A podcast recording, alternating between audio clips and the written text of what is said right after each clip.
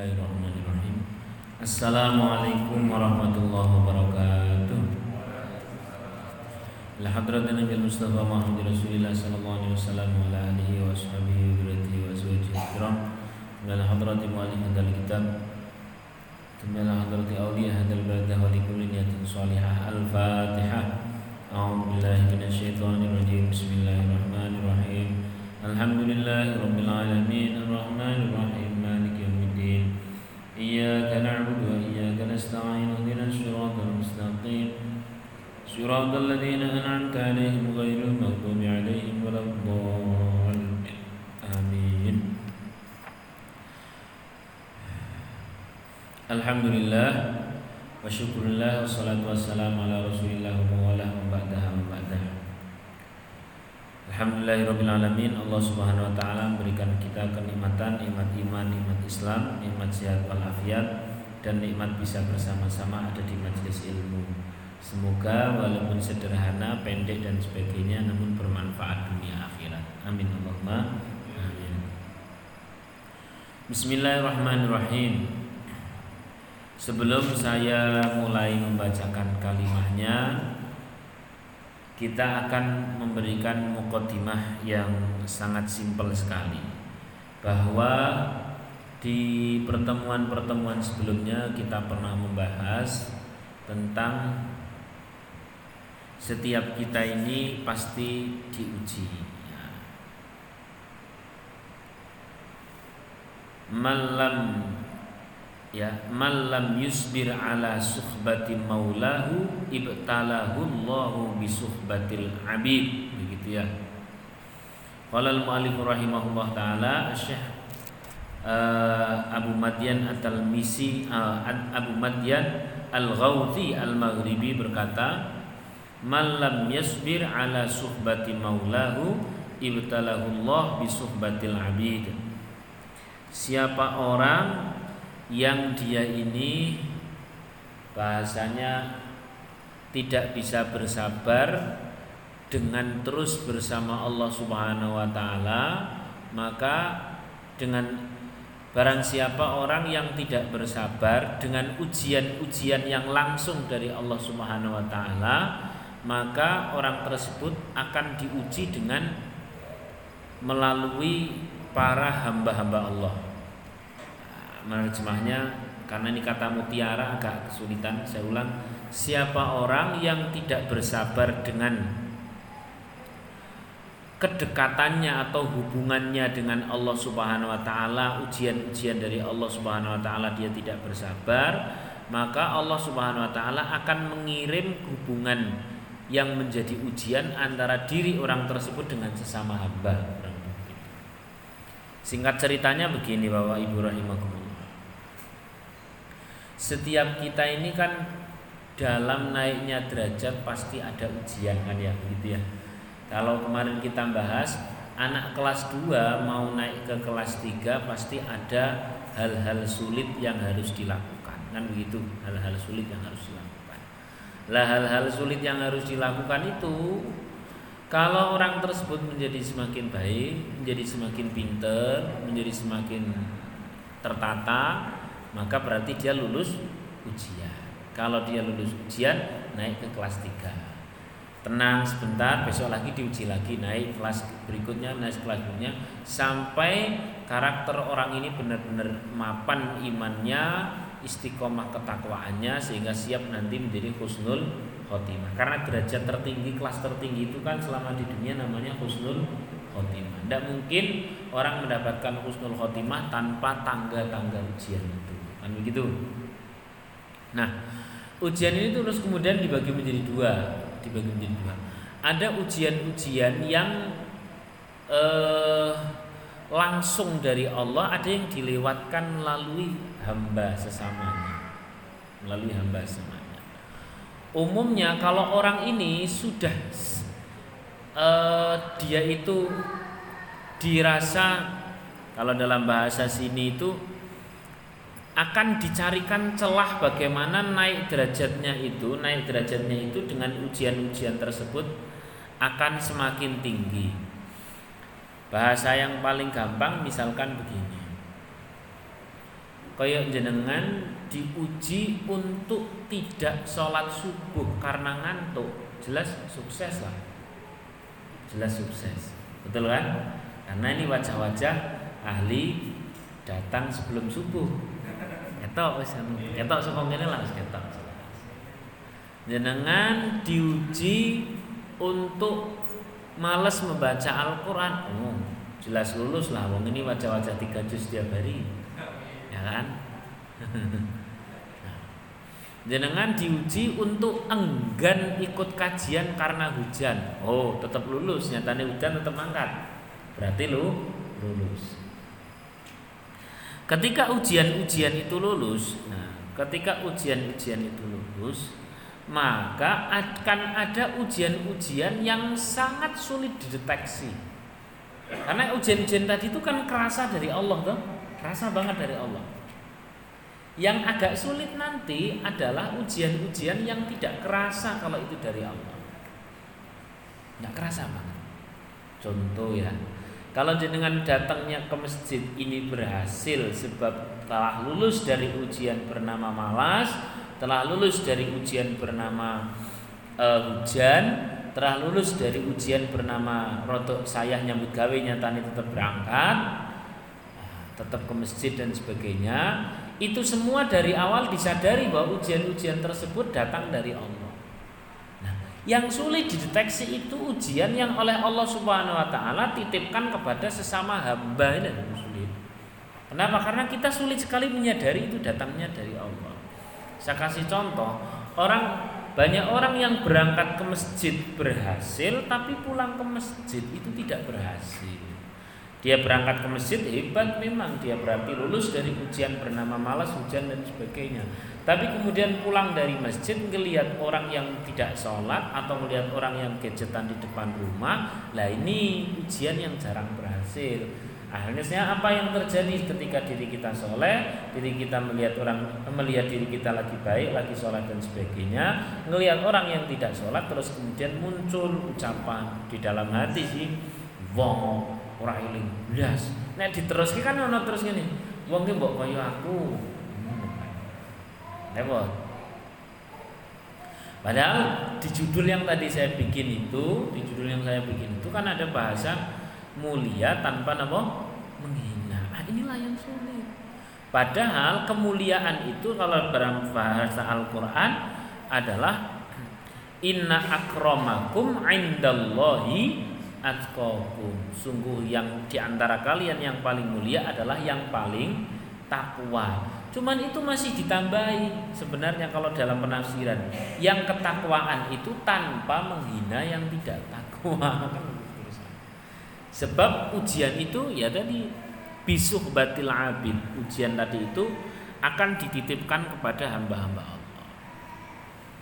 Baik, saya akan lanjutkan lagi setelah ujian tidak menghina ini sukses adalah ujian. Pada intinya di sini kata kuncinya satu. Sebuah ujian ujian itu sesuatu yang tadinya kita mau naik kelas menjadi tetap di kelas atau bahkan turun. Atau bahkan turun.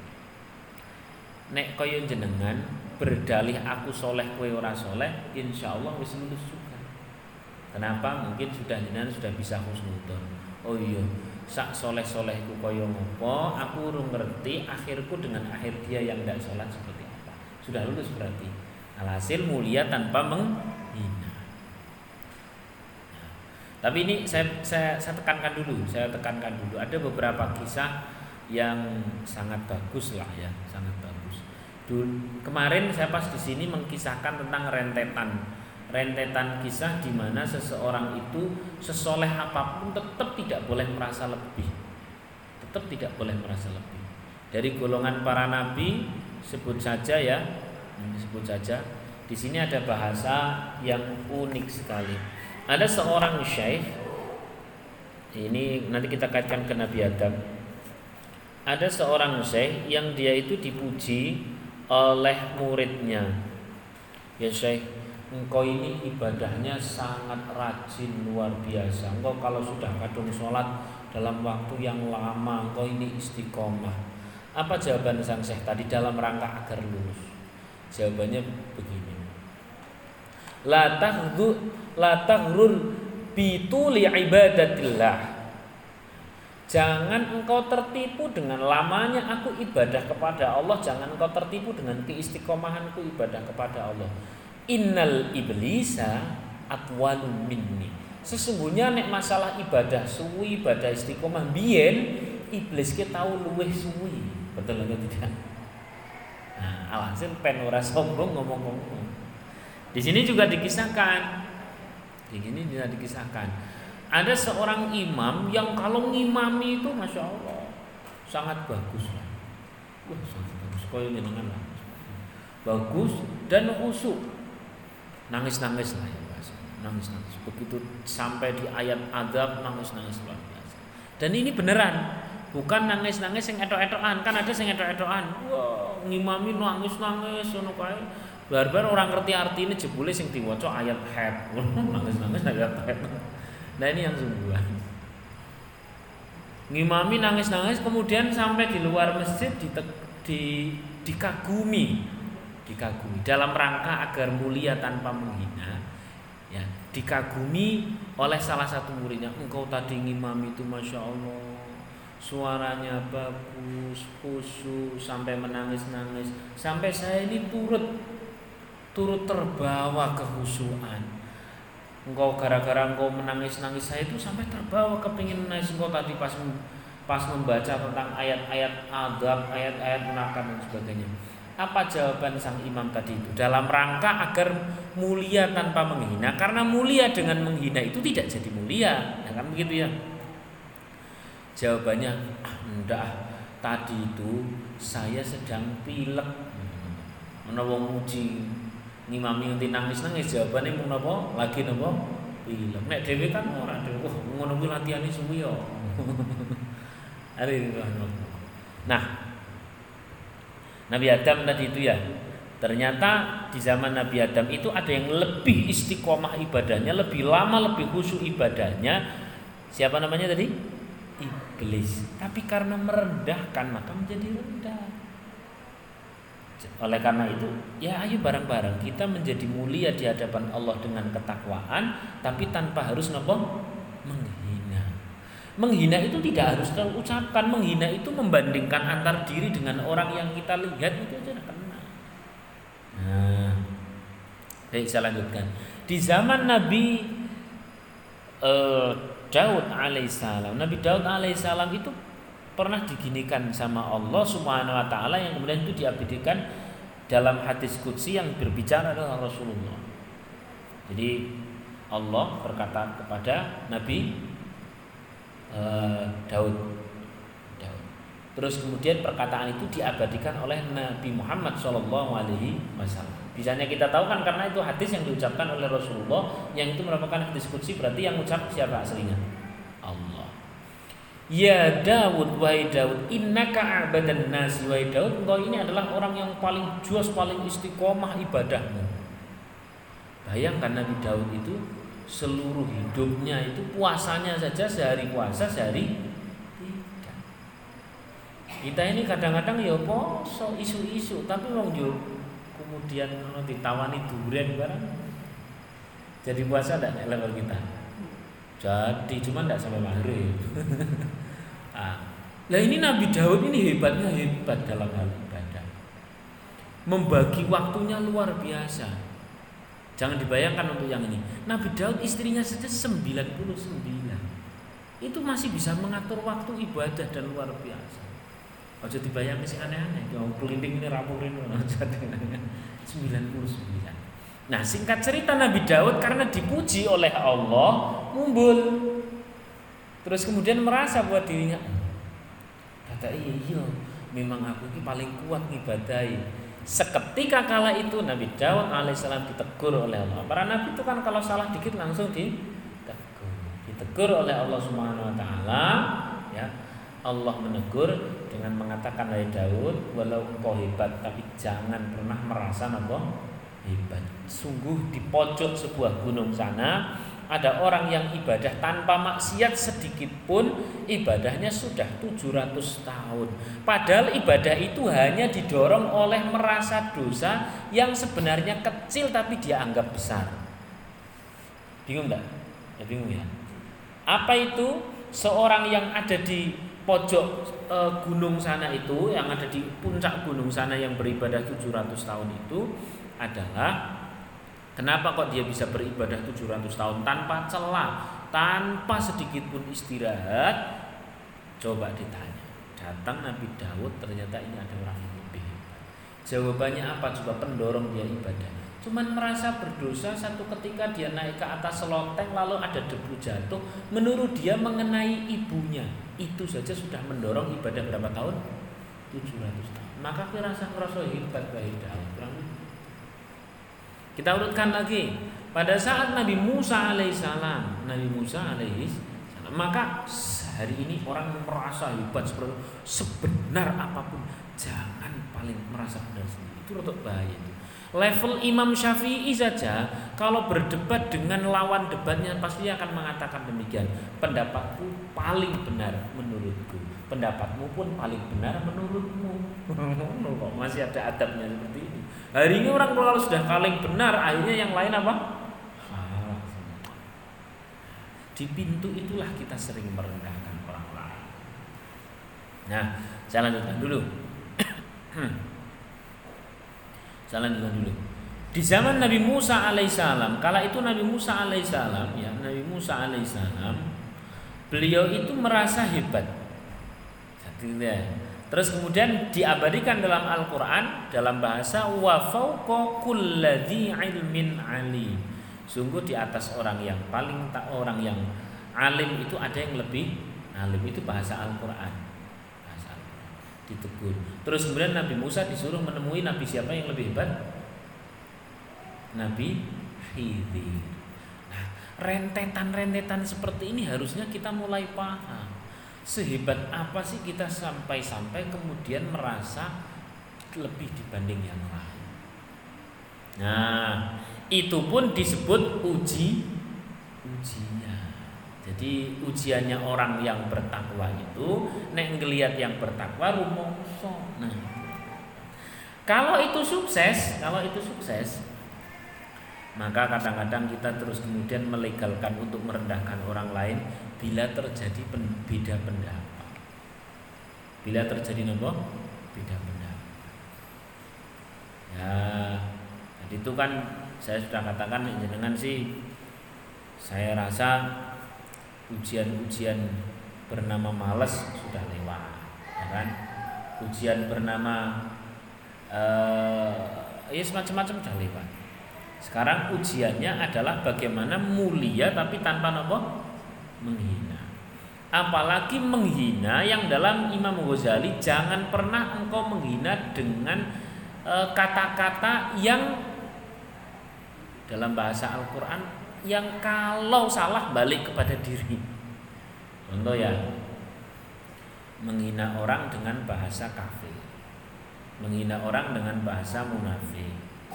Hari ini kan orang kalau sudah tidak cocok dengan yang lain itu kan ya ngeri loh menfir'onkan, mendajalkan, memunafikan, menabujahalkan orang lain. Betul tidak? Nah, ini bahaya. Dalam bahasa Imam Ghazali itu sangat berbahaya, sangat berbahaya. Maka ya paling pol nek karo sing ora cocok, wah goblok ngono paling pol. Ya kono ngomong kafir kene ngomong goblok kan nang akhirat susuk tetep kan. Umpama begitu ya. Umpama begitu. Kenapa? Karena yang berat itu hukum turunannya itu loh. Kalau kita menyebut orang lain munafik atau menyebut orang lain misalkan apa musyrik atau apalah dan sebagainya. Hukum turunannya itu bid'ah misalkan. Hukum turunannya itu yang berat. Hukum turunannya itu jadi layak dibenci, jadi layak diperangi, jadi layak dimungsuhi kan berarti hanya salah dalam membuat definisi pada orang lain. Dan itu pun menjadi ujian. Maka dalam bahasa Al-Quran sesungguhnya di antara kalian itu akan diuji di antara kalian. Oleh karena itu akhirnya hari ini kita wis wis bisa ibadah ya jangan sampai lupa, jangan sampai menghina yang lain. Walaupun itu, mending ngomong ngomong iki menurutku benar, menurutku lan sing kowe pun menurutmu benar selesai jangan membuat kata-kata perbandingan yang memiliki hukum turunan berbahaya hukum turunan berbahaya itu kalau diri kita merasa Musa maka yang berbeda jadi apa Fir'aun. Nah hukum turunannya apa? Jadi layak dibenci, jadi layak diperangi dan sebagainya. Wah ini kan ngeri banget toh. Nah, wis. Saya lanjutkan. Dari situlah maka ujian-ujian dari Allah Subhanahu wa taala dalam hal ketakwaan yang dititipkan kepada hamba yang lain itu lebih berat kenapa? Karena kita ini sulit mengembalikan kepada Allah. Jangan kan bisa misalkan satu ketika sakit gitu ya, mau ibadah cepet ya Allah, ini sakit engkau yang ngasih, ya kan? Tapi coba ono konco sing jengkel ki, apa bisa terus ya Allah, ini engkau yang ngirimkan konco jengkel ki kan angel Betul. Nah, oleh karena itu itu ujian kelas lebih tinggi. Dari situlah kembali lagi dalam bahasa menjadi takwa adalah menjadi mulia tapi tanpa nopo menghina. Ya kalau dicontohkan ke orang-orang zaman dahulu sebut saja Imam Syafi'i. Imam Syafi'i itu pernah dikabari sama muridnya begini, ya Imam Munawai Imam kamu ada orang itu yang di belakangmu itu baik. Tapi sebenarnya nek uh, sorry ada orang yang di depanmu itu baik. Tapi sebenarnya nek di belakangmu wah, ngenyek entek-entekan. Apa jawabannya Imam Syafi'i? Ya apa itu orang wani nang ngarep. Kan santai tuh santai. Kemudian Syekh Ali Zainal Abidin itu pada saat dihina luar biasa oh, dan sebagainya beliau menjawab ya sudah kalau saya dikatakan banyak petingkah umumnya hari ini disebutnya banyak petingkah gitu. Ya sebenarnya lebih banyak lagi oh, yang saya banyak dosa ya banyak utang barang. Lebih banyak yang ia tidak tahu daripada yang sebenarnya lebih buruk kurang begitu. Alhasil jangan sampai hubungan kita dengan manusia entah itu online maupun offline membuat diri kita itu merasa berkelas dibanding yang lain apa pun urusannya Hari ini kan kalau urusan sudah berbeda golongan dan sebagainya kan menjadi layak orang lain di bawah kita kan. Kalau kita maka monggolah membenarkan tanpa harus menya, menyalahkan. Tapi memang aku yang benar. Ya silahkan mengatakan bahwa aku benar dalam versiku. Kau pun benar dalam versiku. Minimal begitu. Penobo, jangan sampai merendahkan orang Nah ini biar enak saya kasih contoh di zaman Nabi Isa alaihissalam sebagai penutup. Terus pokoknya ngaji itu tidak usah lama-lama, yang penting mantep terus pendek, yes, terus terpakai. Amin Allahumma. Kata kuncinya satu tadi itu. Apalagi jenengan takmir masjid, ini mesti wah wah ini wong sing ora tau masjid kaya-kaya ning wong ora tau setahun rasa kok ngono. Minimal cara nutupnya gampang. Kita tidak tahu siapa di antara kita berdua yang husnul khotimah. Akhir pun dengan akhir masih rahasia. Betul lah. Nyata-nyata di dalam hadis Arba'in Nawawi itu yang sebenarnya dari uh, dari Bukhari itu ada bahwa ada orang yang selama hidupnya itu mengamalkan amalan ahli surga sehingga antara dirinya dengan surga tinggal apa? Satu jengkal tapi pas mati masuk ada orang yang dia melakukan amalan ahli neraka pada saat pas mati pas taubat. Nah, kita tidak tahu. Yang hari ini kita lagi baik-baiknya dan hari ini ada orang lagi maksiat-maksiatnya ternyata diwalik karena Gusti Allah tidak tahu. Nah, oleh karena itu monggo menjadilah takwa tanpa harus menghina. Kata kuncinya satu mbak, misalkan ini ibu-ibu, jenengan pakai kerudung syar'i monggo, tapi jangan jadikan alat untuk nyerang yang tidak syar'i. Jangan suka main masjid, tapi jangan jadikan alat untuk menyerang yang tidak ke masjid.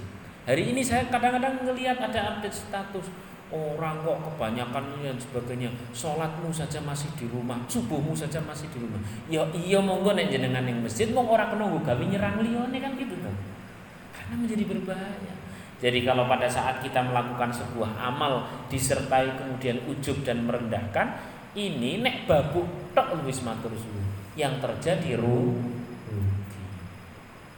Ya ini kisah penutup. Ya saya sudah sering mengkisahkan ini di zaman Nabi Isa alaihissalam. Kala itu Nabi Isa dengan Hawariyin sedang berjalan untuk untuk untuk untuk untuk untuk untuk. Kemudian Datanglah seorang ahli maksiat yang dia ingin taubat, kemudian berjalan tiga orang. Singkat cerita yang ingin bertaubat itu preman yang pendosa itu pendosa yang pendosa tersebut itu dalam hatinya mengatakan demikian saya ini orang banyak dosa. Harusnya tahu diri ah untuk mundur sedikit kemudian karena tadi Nabi Isa soal Nabi Musa Nabi Isa bersama Hawariyin Soleh Hawariyin Soleh itu di hati batinnya begini nah ngono pengertian. Mundur sedikit dulu di waktu yang sama pula Nabi Isa alaihissalam mendapatkan wahyu dari Allah bahwa dua orang ini sedang bertukar derajat. Hawarin yang soleh sedang dihapus amal solehnya sebab merasa tinggi Preman yang pendosa ini sedang dihapus dosa-dosanya sebab dia merasa rendah Cepat ya oleh karena itu, oleh karena itu kesimpulan terakhir di level nyata kita harus semakin takwa, semakin soleh, tapi di level rasa harus semakin merasa buruk di level nyata semakin baik, di level rasa semakin buruk. Bisa membedakan ya nyata sama rasa ya. Nek dosa ya tinggal dibalik. Kalau di level nyata dosa harus semakin sedikit. Nyata, tapi di level rasa harus semakin merasa banyak dosa. Wes gitu aja. Silahkan kalau mau ada tanya jawab. Ada? Wah ini sudah lulus semua berarti Alhamdulillahirrahmanirrahim Saya ini ya panjenengan pun merasakan hal yang sama lah uh, Yang sulit itu mengembalikan Nek ono wong jengkel ke terus kita balik menggon Gusti Allah itu lebih sulit daripada diuji dengan sakit. Dengan sakit kita cepet ndak tawakalnya? Cepet. Orang duit duit tawakalnya cepet ndak? Cepet. Tapi ono wong jengkel kita tawakalnya cepet ndak? suwi wong kelingan wajahnya supaya pengen balang sandal ya nah oleh karena itu di sinilah yang namanya kita takwa mulia tanpa harus nopo?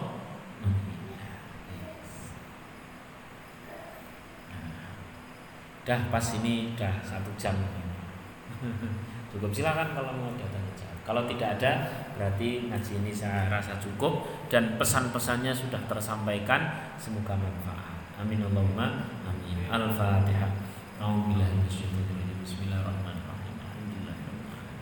الرحمن الرحيم مالك يوم الدين إياك نعبد وإياك نستعين. اهدنا الصراط المستقيم صراط الذين أنعمت عليهم غير المغضوب عليهم ولا الضالين آمين. بسم الله الرحمن الرحيم الحمد لله رب العالمين. حمدا يوافي نعمه ويكافي مزيده يا رب